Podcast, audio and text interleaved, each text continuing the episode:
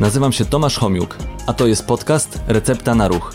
Podcast, w którym wraz z moimi gośćmi udowadniamy, że ruch jest lekiem i namawiamy do zażywania go w różnej postaci. Cześć, witam w kolejnym odcinku Recepty na Ruch. Dzisiaj moim gościem jest Paweł Koczkodaj z Narodowego Instytutu Onkologii. Słyszałem, że nazwa jest trochę dłuższa. Powiedz, gdzie jeszcze pracujesz i czym się zajmujesz? Dzień dobry, witam wszystkich. Cześć Tomku. Pracuję w Narodowym Instytucie Onkologii imienia Marii Curie-Skłodowskiej Państwowym Instytucie Badawczym, to jest pełna nazwa, w Zakładzie Epidemiologii i Prewencji Nowotworów.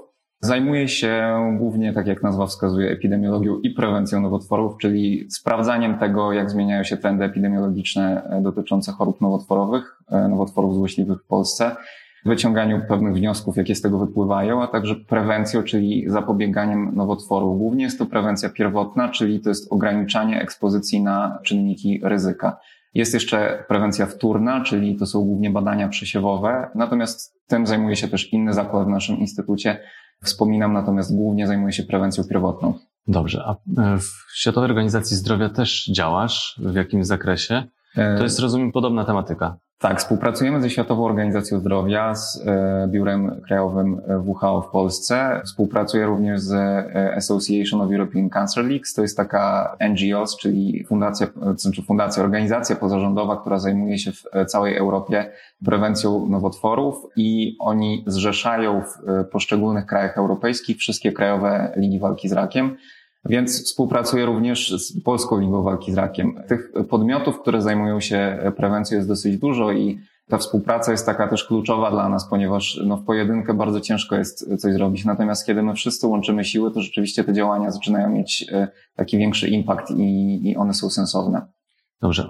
Jak oceniłbyś te działania? Ja na jakim poziomie e, jest wśród Polaków świadomość, jakie mamy czynniki ryzyka wystąpienia nowotworów, jaka jest świadomość społeczeństwa i jak te działania przynoszą, jaki przynoszą efekt na przestrzeni, nie wiem, ostatnich lat chociażby i jak to jest w tej chwili?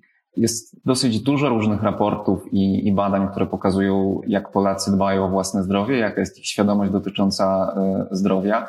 Natomiast to jest jedna rzecz, a druga rzecz to jest to, co my widzimy w tych trendach epidemiologicznych, o których wspominałem i w y, danych bo nawet jeśli więcej osób deklaruje, że rzuca palenie, w szczególności wśród kobiet, to niestety my w trendach epidemiologicznych jeszcze tego nie widzimy, ponieważ jakiś okres czasu musi minąć i to, co my teraz dostrzegamy, e, mówiąc stricte o paleniu, to jest to, że wśród mężczyzn liczba palaczy zaczyna spadać. E, mężczyźni zaczynają rzucać palenie, zaczynają rozumieć, że jest to bardzo szkodliwe, to jest taki pewny udowodniony kancerogen.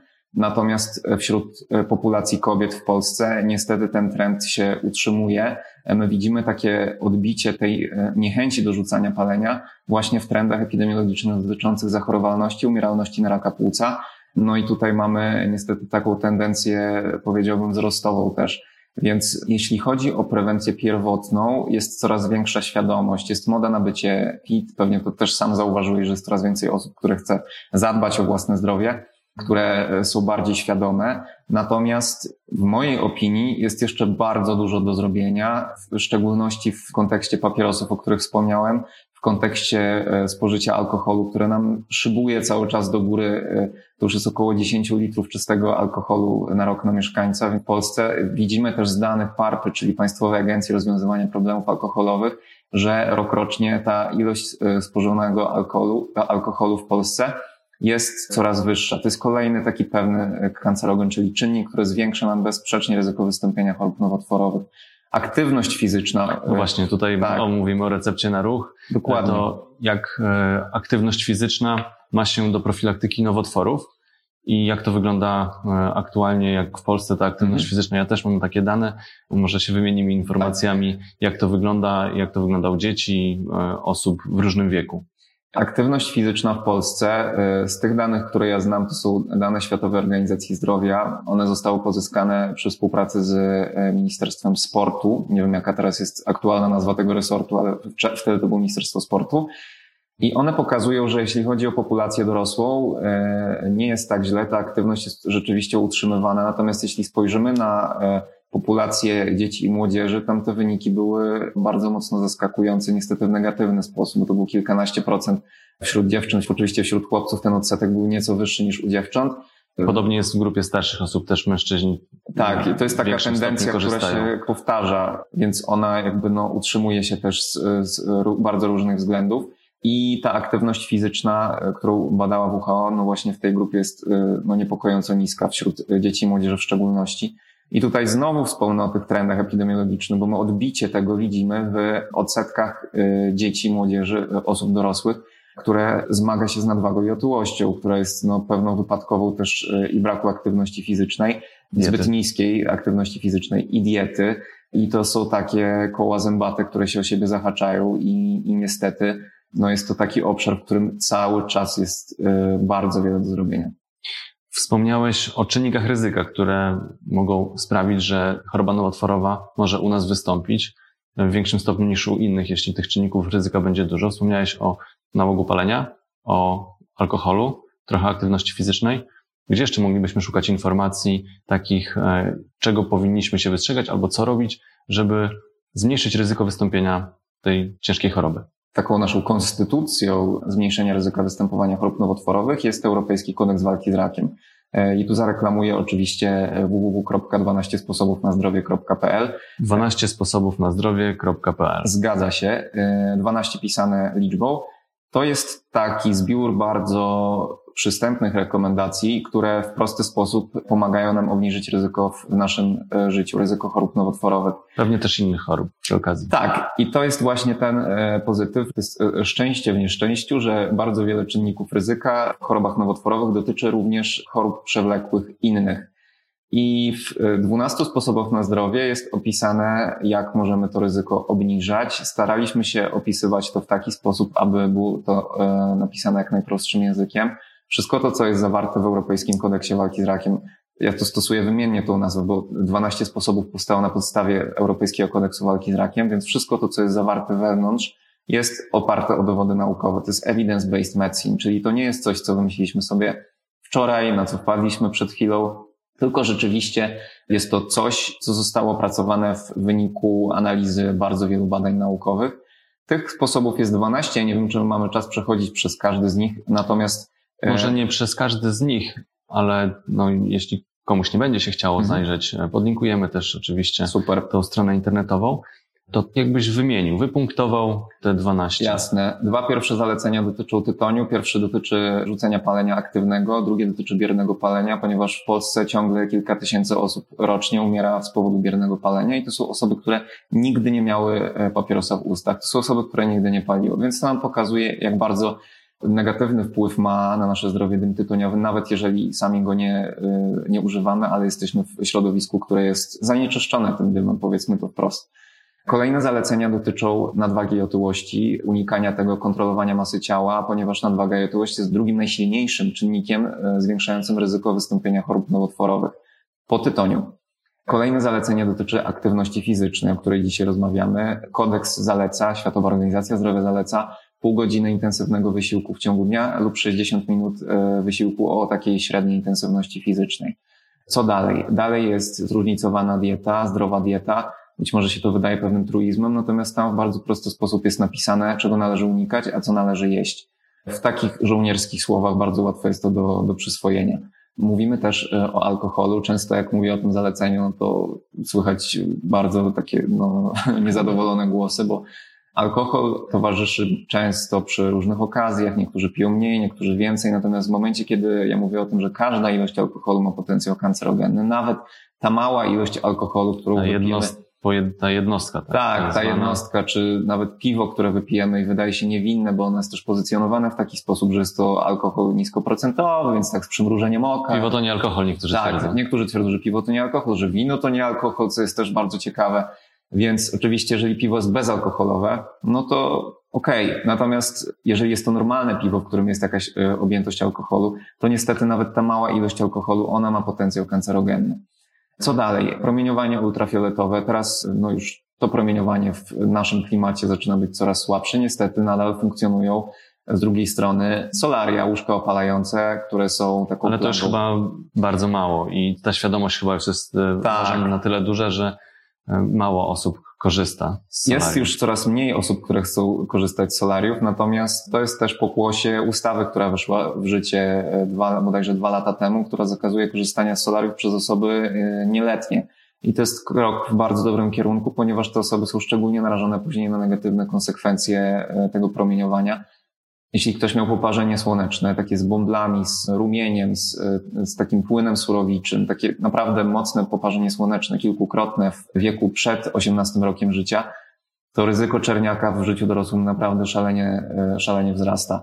Dlatego tak istotne jest, żeby edukować o tym, że naprawdę solarium jest nam, nie jest nam potrzebne do naszego życia i Światowa Organizacja Zdrowia zaleca całkowite zrezygnowanie z e, używania solarium. Nie ma takich wskazań, żeby skorzystać z solarium. Mówimy też w kodeksie o przepisach BHP, to dosłownie w takim telegraficznym skrócie. Są różne rodzaje pracy. Często jesteśmy, często, czasami zdarzy się tak, że jesteśmy bardziej narażeni w pracy niż inni na e, różnego rodzaju kancerogeny, metale ciężkie albo promieniowanie ultrafioletowe właśnie. Trzeba bezwzględnie podążać, niezależnie od wykonywanej pracy, za przepisami BHP i po prostu nie ma z, z tym co dyskutować. Promieniowanie radonowe to jest kolejne zalecenie. Jest to pewna nowość, ponieważ pojawiło się to zalecenie w ostatniej edycji kodeksu, która została zaktualizowana w 2014 roku. Radon to jest taki gaz szlachetny, który wydobywa się ze skorupy ziemskiej i on wykazuje pewien potencjał kancerogenny, w szczególności w kontekście płuc. W Polsce nie jest to wielkim problemem, nie mamy aż takiego promieniowania radonowego, natomiast Europejski Kodeks Walki z Rakiem jest europejski, więc dotyczy również innych państw, które mają z tym pewien problem, dlatego o tym wspominamy. Jeśli ktoś jest zainteresowany, to w kodeksie może przeczytać, jak należy, Gdzie to promieniowanie występuje. Jak to sprawdzić, gdzie, tak. gdzie występuje, jak można się przed tym chronić. Kolejne zalecenia dotyczą zdrowia kobiet. Tutaj jest bardzo istotna kwestia dotycząca karmienia piersią. Bardzo mocno zachęcamy kobiety, które mogą karmić piersią, żeby to robiły, ponieważ oprócz e, takiego zbawiennego wpływu e, dla zdrowia dziecka ma to również taki wpływ protekcyjny, ochronny, jeśli chodzi o nowotwory, różnego rodzaju nowotwory kobiece. Oprócz tego piszemy też w tym zaleceniu o hormonalnej terapii zastępczej. To jest terapia, która jest stosowana w łagodzeniu skutków przechodzenia okresu menopauzy, czyli przekwitania i tutaj e, jest zalecenie dotyczące tego, żeby ten okres stosowania HTZ-u, hormonalnej terapii zastępczej, maksymalnie ograniczać, bo ma to związek również z różnego rodzaju nowotworami kobiecymi. Dwa ostatnie zalecenia. Zalecenie 11 dotyczy szczepień. Około 15-20% nowotworów związanych jest z infekcyjnymi czynnikami rakotwórczymi, zwiększającymi ryzyko nowotworów. I my tutaj mówimy o szczepieniu przeciwko HBV, czyli chronimy się przed wirusowym zapaleniem wątroby typu B i HPV, czyli wirusem brodawczaka ludzkiego. O HPV tylko powiem tyle, że od przyszłego roku planowane jest w ramach Narodowej Strategii Onkologicznej wprowadzenie szczepień dziewcząt właśnie przeciwko wirusowi HPV, co jest naprawdę bardzo dobrym krokiem w dobrym kierunku, ponieważ oprócz tego, że będą one chronione przed rakiem szyjki macicy w przyszłości, również zmniejsza to ryzyko innych chorób, też nowotwory głowy i szyi, różne inne łagodniejsze choroby, ale dzięki temu możemy zmniejszać takie populacyjne narażenie na wirusa HPV. W przyszłości mają być szczepieni również chłopcy, ponieważ chłopcy są wektorami, czyli przenoszą wirus HPV, sami e, jakby mają skutki zdrowotne nie aż tak silne jak u kobiet, natomiast e, jest to również korzystne dla chłopców zdrowotnie, więc to jest bardzo dobry krok i super, że się to e, będzie działo. Ostatnie zalecenie dotyczy przesiewów.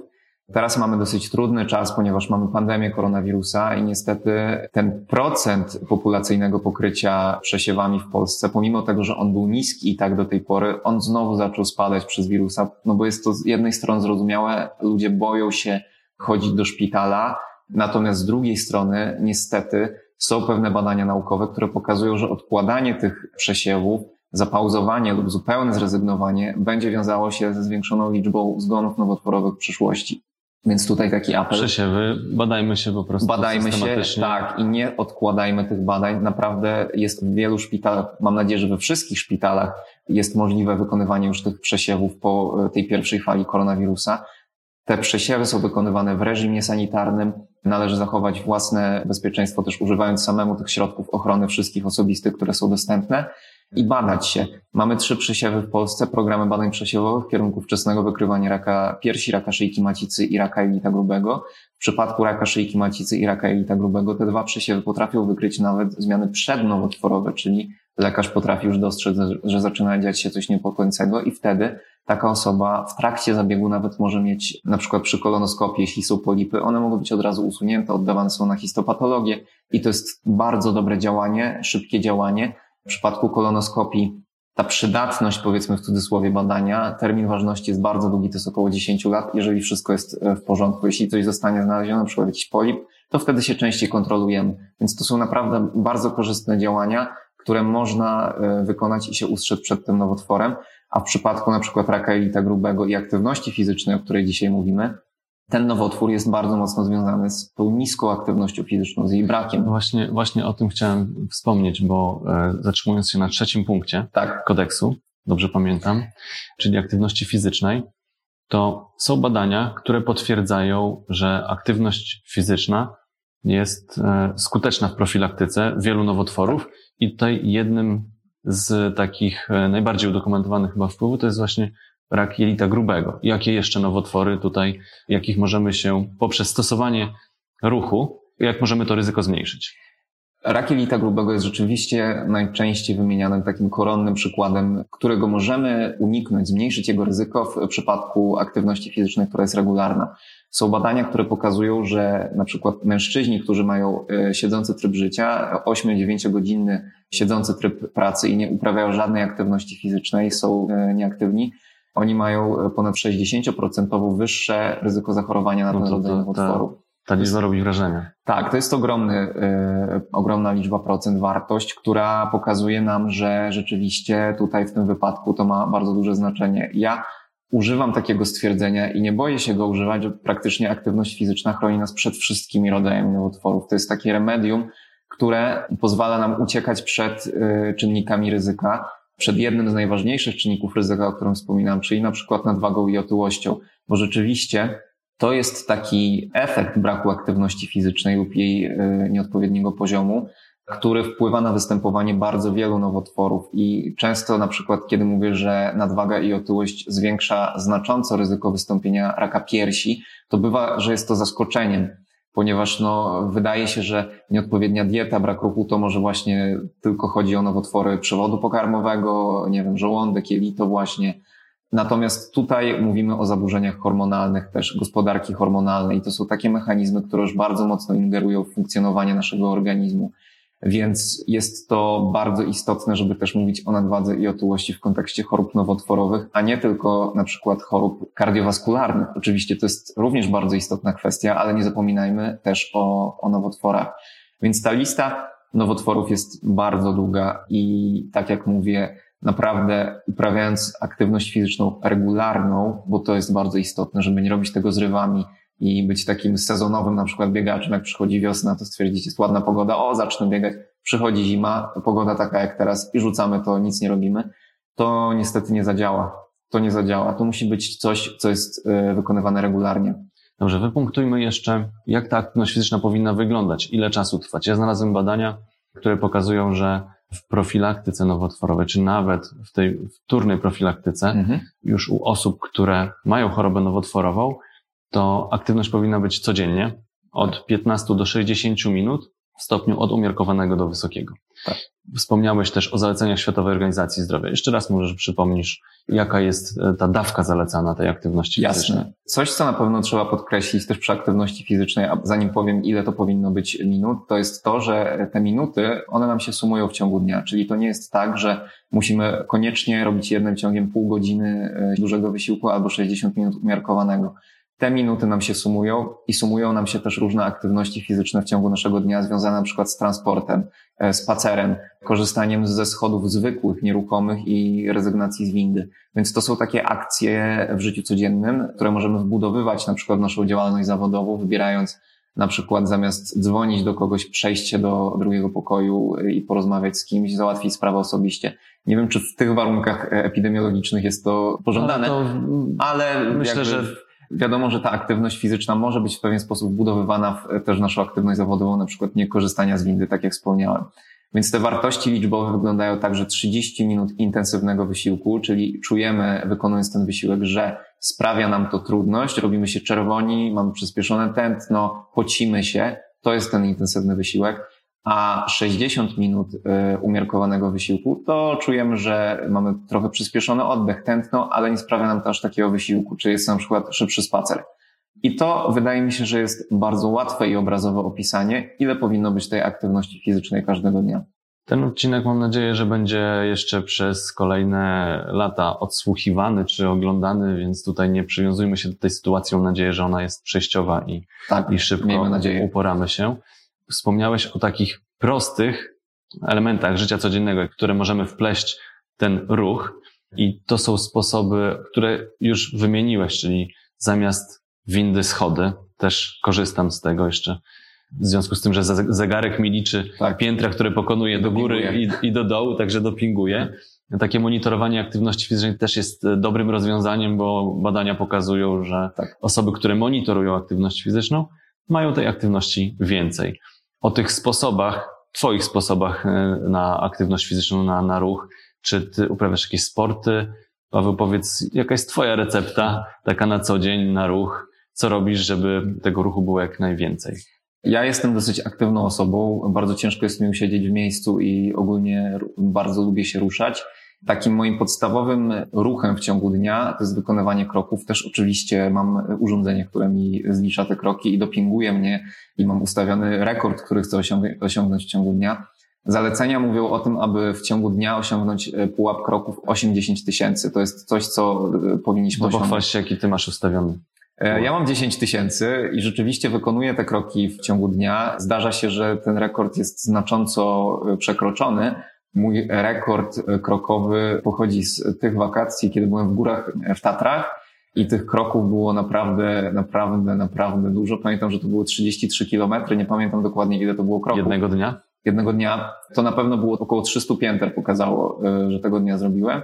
E, natomiast to jest taki przykład ekstremalny i rzeczywiście nie da się tego wykonać z różnych względów codziennie i nie wiem, czy też byłoby to zdrowe tak ekstremalnie się dla osoby, która nie uprawia e, wyczynowo sportów, tak jak ja, e, tak challenge'ować. To na pewno nie. Jeszcze trzeba było uwzględnić regenerację. Zresztą no właśnie. takie urządzenia też podpowiadają, że jak się zrobi duży wysiłek tak. jednego dnia, to później ileś tam czasu trzeba, potrzeba na regenerację. Odpocząć. Szczególnie jeśli nie jest się wytrenowanym, bo wytrenowani sportowcy trenują codziennie, tak? I, I, ich organizm jest przyzwyczajony do takiej szybkiej regeneracji. To prawda, więc kroki to jest takie minimum, które ja wykonuję każdego dnia.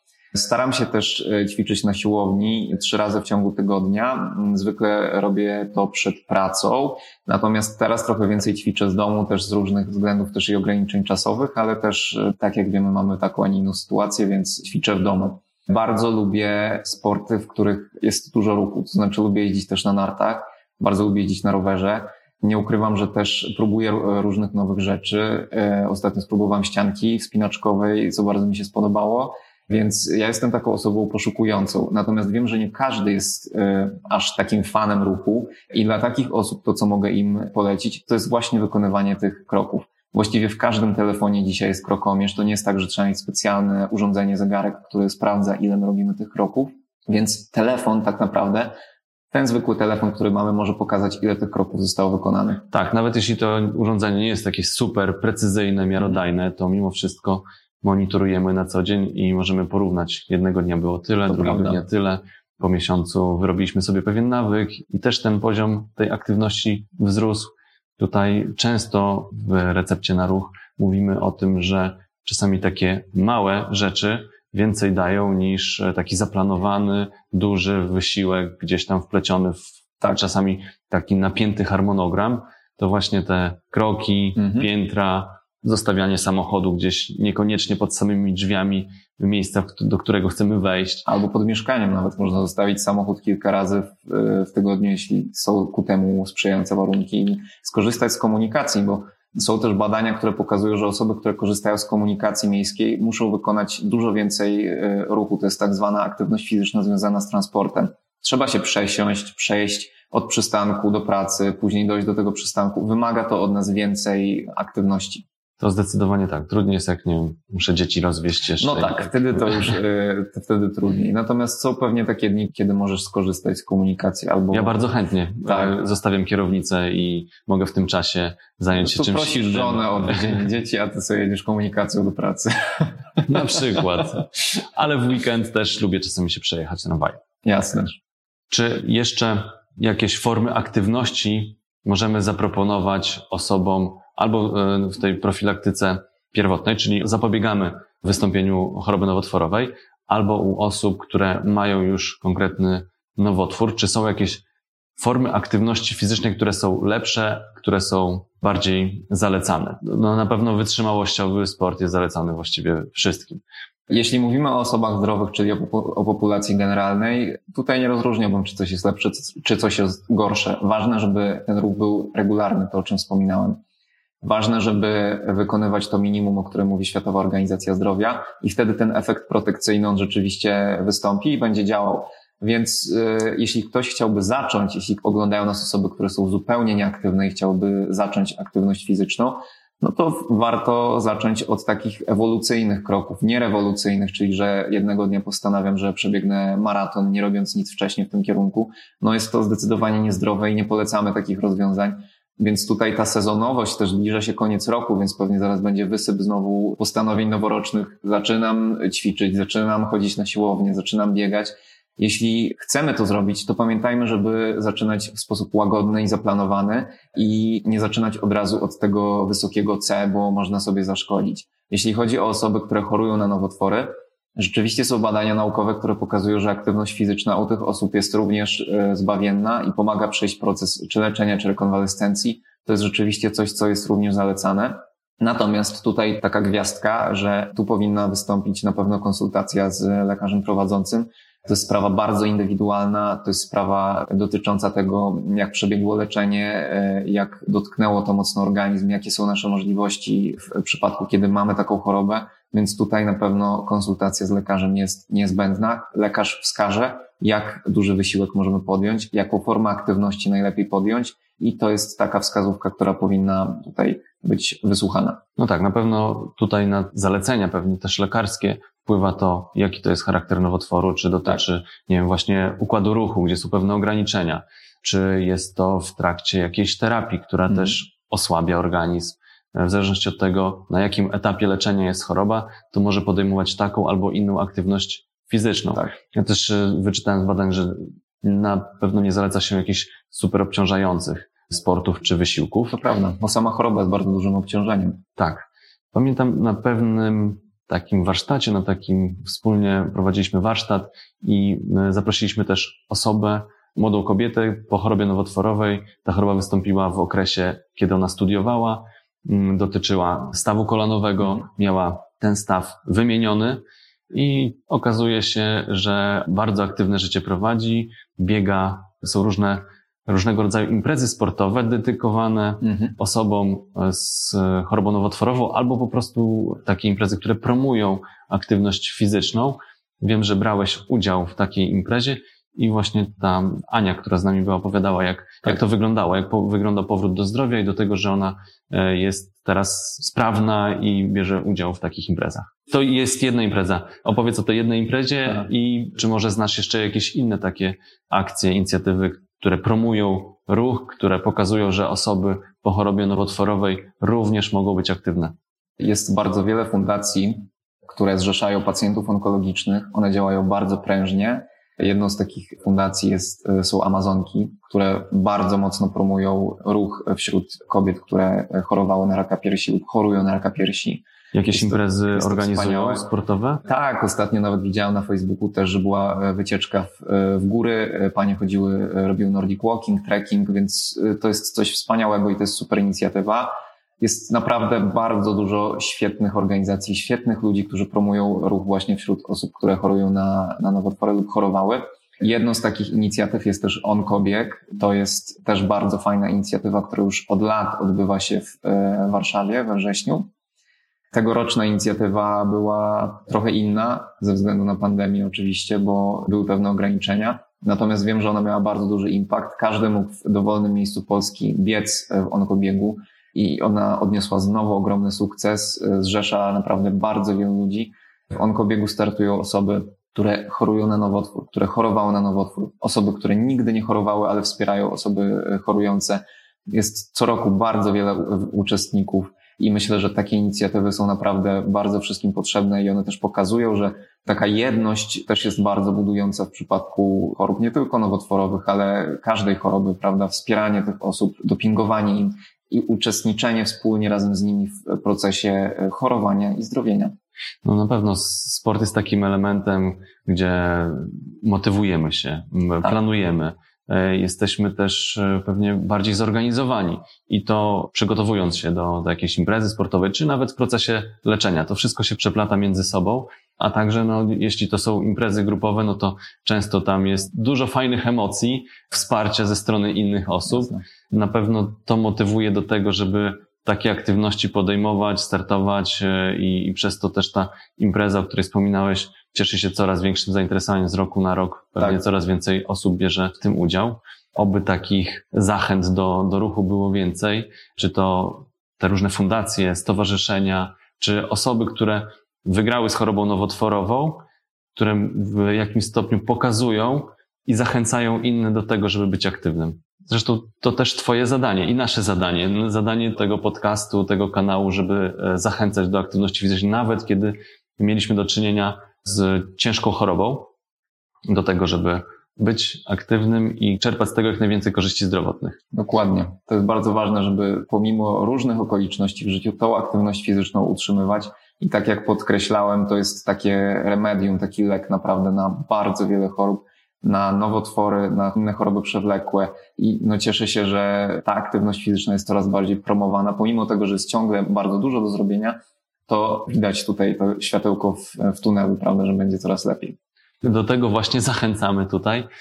Dziękuję Ci, Paweł, za rozmowę, za to, że przekazałeś swoje recepty na ruch, zarówno dla osób, które chciałyby, a właściwie wszyscy chcieliby zapobiegać chorobom, w tym nowotworom, Dziękuję, że też przekazałeś osobom, które wygrały walkę z tą chorobą, w jaki sposób mogą być aktywne fizycznie i gdzie szukać innych też e, osób, które są aktywne fizycznie, jakie mogą znaleźć miejsca, gdzie e, odbywają się różnego rodzaju zajęcia, czy to Nordic Walking, czy to bieganie. Także dziękuję bardzo. Mam nadzieję, że sporo osób skorzysta tych, z tych cennych rad. Bardzo dziękuję i chciałbym dopisać do Twojej recepty na zdrowie przede wszystkim lek o nazwie Kodeks Walki z Rakiem, więc zapraszam na stronę www.12sposobównazdrowie.pl. Mam nadzieję, że chociaż przez chwilę znajdziecie czas, żeby zajrzeć, co tam się znajduje i jak można obniżać to ryzyko e, nowotworów, w tym jak ćwiczyć, jaką aktywność fizyczną powinniście prowadzić w życiu codziennym. Jeszcze raz dziękuję i do zobaczenia w kolejnym odcinku Recepty na Ruch, który jest połowie tygodnia, zawsze w środę o godzinie 12. Dziękuję i do zobaczenia.